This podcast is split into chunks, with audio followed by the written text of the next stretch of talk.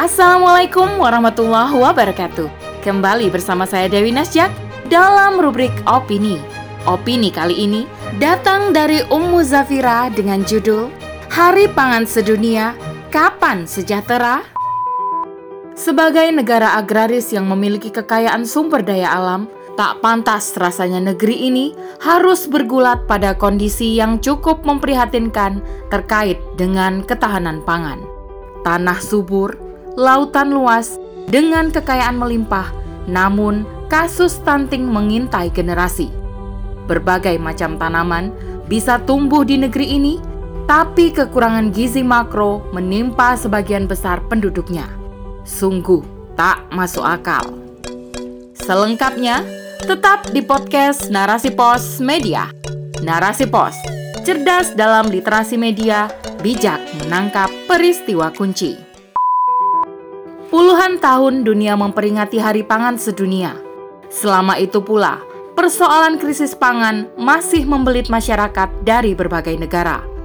Ingar-bingar peradaban modern nyatanya tak pernah mampu menjadi sebab masyarakat hidup sejahtera, khususnya Indonesia. Bagaimana bisa?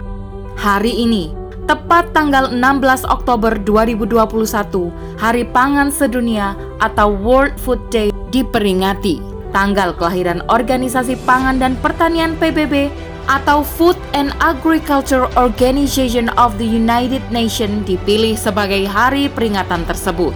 Our action, our future. Better production, better nutrition, a better environment, and a better life. Yang artinya, tindakan kita masa depan kita, produksi yang lebih baik, nutrisi yang lebih baik, lingkungan yang lebih baik, dan hidup yang lebih baik adalah tema yang diangkat pada peringatan tahun ini. Hal ini sebagaimana dilansir oleh kompas.com 16 Oktober 2021 dari laman resmi FIO. Dengan tema tersebut, FIO mencoba mengajak masyarakat dunia untuk bisa menjadi pahlawan pangan. Mereka diharapkan mampu berkontribusi pada transformasi sistem pertanian pangan yang lebih baik, sehingga terwujudlah ketersediaan pangan yang cukup bagi seluruh masyarakat dunia. Menyambut Hari Pangan Sedunia tersebut, Menteri Pertanian Syahrul Yassin Limpo mengajak masyarakat turut berpartisipasi mengupayakan ketahanan pangan. Ia menyatakan bahwa setiap individu bisa berperan menjadi pahlawan pangan. Hal-hal yang bisa dilakukan oleh masyarakat antara lain adalah dengan memilih jenis makanan yang sehat dan bergizi, kemudian mempelajari cara menanam tanaman pangan di dalam rumah, dan yang terakhir yaitu tidak membuang makanan sebagai bagian menghargai makanan dan lingkungan. Memang, masih banyak yang harus dibenahi dalam rangka mewujudkan ketahanan pangan di negeri Zamrud Katulistiwa ini. Bersumber pada Food Sustainability Index 2020, sebagaimana diberitakan liputan6.com pada 16 Oktober 2021, Indonesia masih menduduki peringkat ke-60 dan 67 negara dalam hal keberlanjutan pangan menurut tiga indikator – yakni pemenuhan gizi, penerapan pertanian berkelanjutan, dan limbah makanan. Menurut Herni Raharja, Direktur Foods and Refreshment PT Unilever Indonesia Tbk, setidaknya ada tiga beban yang jadi sorotan dari sisi pemenuhan gizi. Ketiganya yaitu masih tingginya kasus stunting yang diderita anak akibat gizi buruk, tingkat obesitas yang tinggi pada orang dewasa, dan masih banyak masyarakat yang mengalami kekurangan gizi mikro. Hal ini berarti kurangnya asupan vitamin dan mineral pada makanan mereka. Sedangkan dari sisi pertanian, luasan lahan berkualitas mengalami penurunan. Pun tak ada regenerasi petani sebab kehidupan petani sering kali berada di bawah garis kemiskinan. Namun mirisnya, limbah makanan yang diproduksi di Indonesia justru sangat tinggi yaitu mencapai 23 hingga 48 juta ton per tahun. Untuk itulah, Indonesia menempati peringkat kedua sebagai negara pembuang makanan di dunia. Astagfirullah. Sebagai negara agraris yang memiliki kekayaan sumber daya alam, tak pantas rasanya negeri ini harus bergulat pada kondisi yang cukup memprihatinkan terkait dengan ketahanan pangan. Tanah subur, lautan luas dengan kekayaan melimpah, namun kasus stunting mengintai generasi. Berbagai macam tanaman bisa tumbuh di negeri ini, tapi kekurangan gizi makro menimpa sebagian besar penduduknya. Sungguh tak masuk akal. Bahkan, telinga kita senantiasa hafal dengan lagu kolam susu milik Kos Plus yang menggambarkan betapa kayanya negeri kita. Bukan lautan, tapi kolam susu. Ya, udang dan ikan saja tak perlu kita cari, sebab mereka akan menghampiri. Itu semua karena tanah kita tanah surga. Tanah kita ini adalah tanah dengan keberkahan yang melimpah. Namun sayang, lagu itu bak dongeng sebelum tidur. Semua yang kita punya tak sama sekali bisa jadi sumber penghidupan yang layak. Kenapa? Sebab kita ridho mengelolanya dengan cara-cara kafir penjajah. Sekularisme kapitalisme inilah biang yang menjadikan kita sebagai budak di negeri sendiri. Sistem yang meniscayakan kepentingan para pemilik modal tak akan pernah peduli pada kepentingan masyarakat. Lihatlah betapa lahan pertanian habis disulap menjadi lahan hunian, perkantoran, dan pertokoan.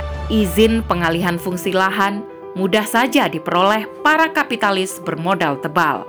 Masyarakat pemilik lahan dibuat menyerah dengan berbagai tipu daya. Jika mereka enggan menyerahkan lahan, maka arogansi yang didukung para pemangku kebijakan biasa dilakukan. Masyarakat yang punya nalar lagi-lagi tak berdaya. Lebih-lebih, nasib para petani yang makin hari makin terpinggirkan tak ada dukungan yang dilakukan penguasa bagi para petani yang ingin mengembangkan hasil pertanian mereka. Menyedihkannya lagi, mereka terpaksa mendapatkan pupuk, benih, sarana pertanian dengan biaya tinggi. Seringkali para petani ini harus gigit jari sebab hasil panennya merugi.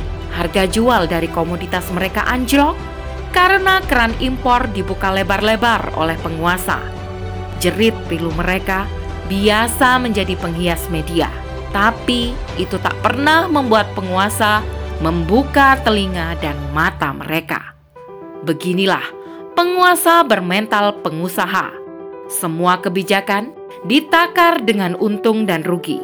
Tak peduli bahwa amanah yang kini mereka punya itu ada tanggung jawabnya.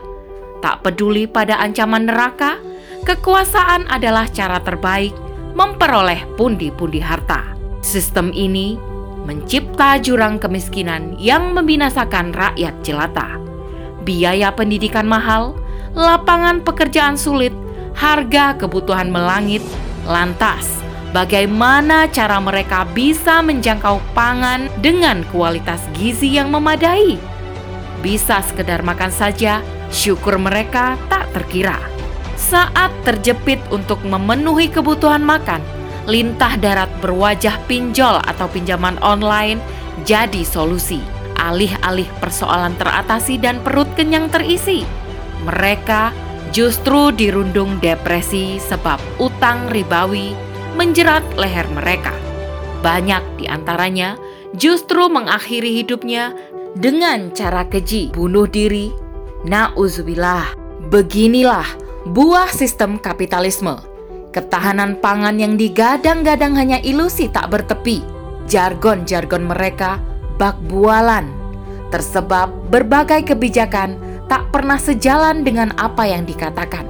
Haruskah kita senantiasa menggantungkan harapan dengan sistem yang ada?